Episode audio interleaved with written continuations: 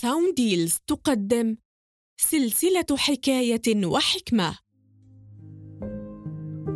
وعسى أن تكرهوا شيئا وهو خير لكم.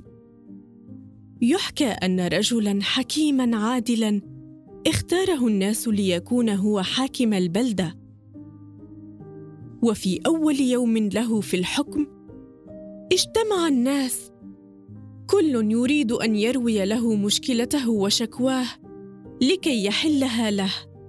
فقال لهم الحكيم الحاكم انتظروا قليلا. وأحضر صندوقا كبيرا وقال كل منكم يكتب مشكلته في ورقة ويضعها في هذا الصندوق ثم ينصرف ويأتي غدا إن شاء الله تعالى.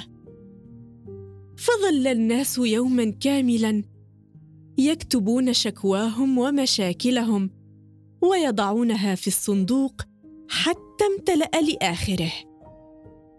وفي اليوم التالي بدأ الناس يتوافدون على الحاكم ليروا ماذا فعل في مشاكلهم. فقال الحاكم للحراس أدخلوهم واحدا بعد الآخر.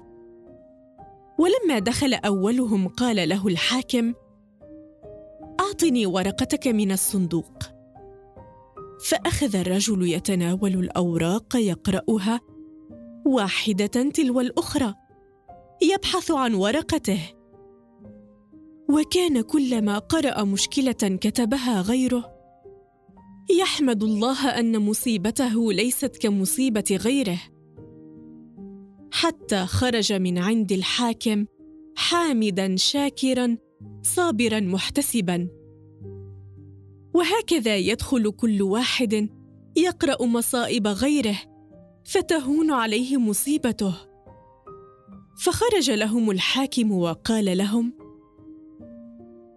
إن الله ما أشقاك إلا ليسعدك وما أخذ منك إلا ليعطيك وما أبكاك إلا ليضحكك وما حرمك إلا ليتفضل عليك وما ابتلاك إلا لأنه يحبك.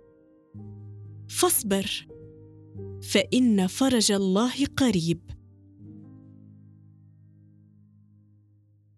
هذه المادة من إنتاج منصة ساونديلز للتعليق الصوتي والمحتوى الرقمي.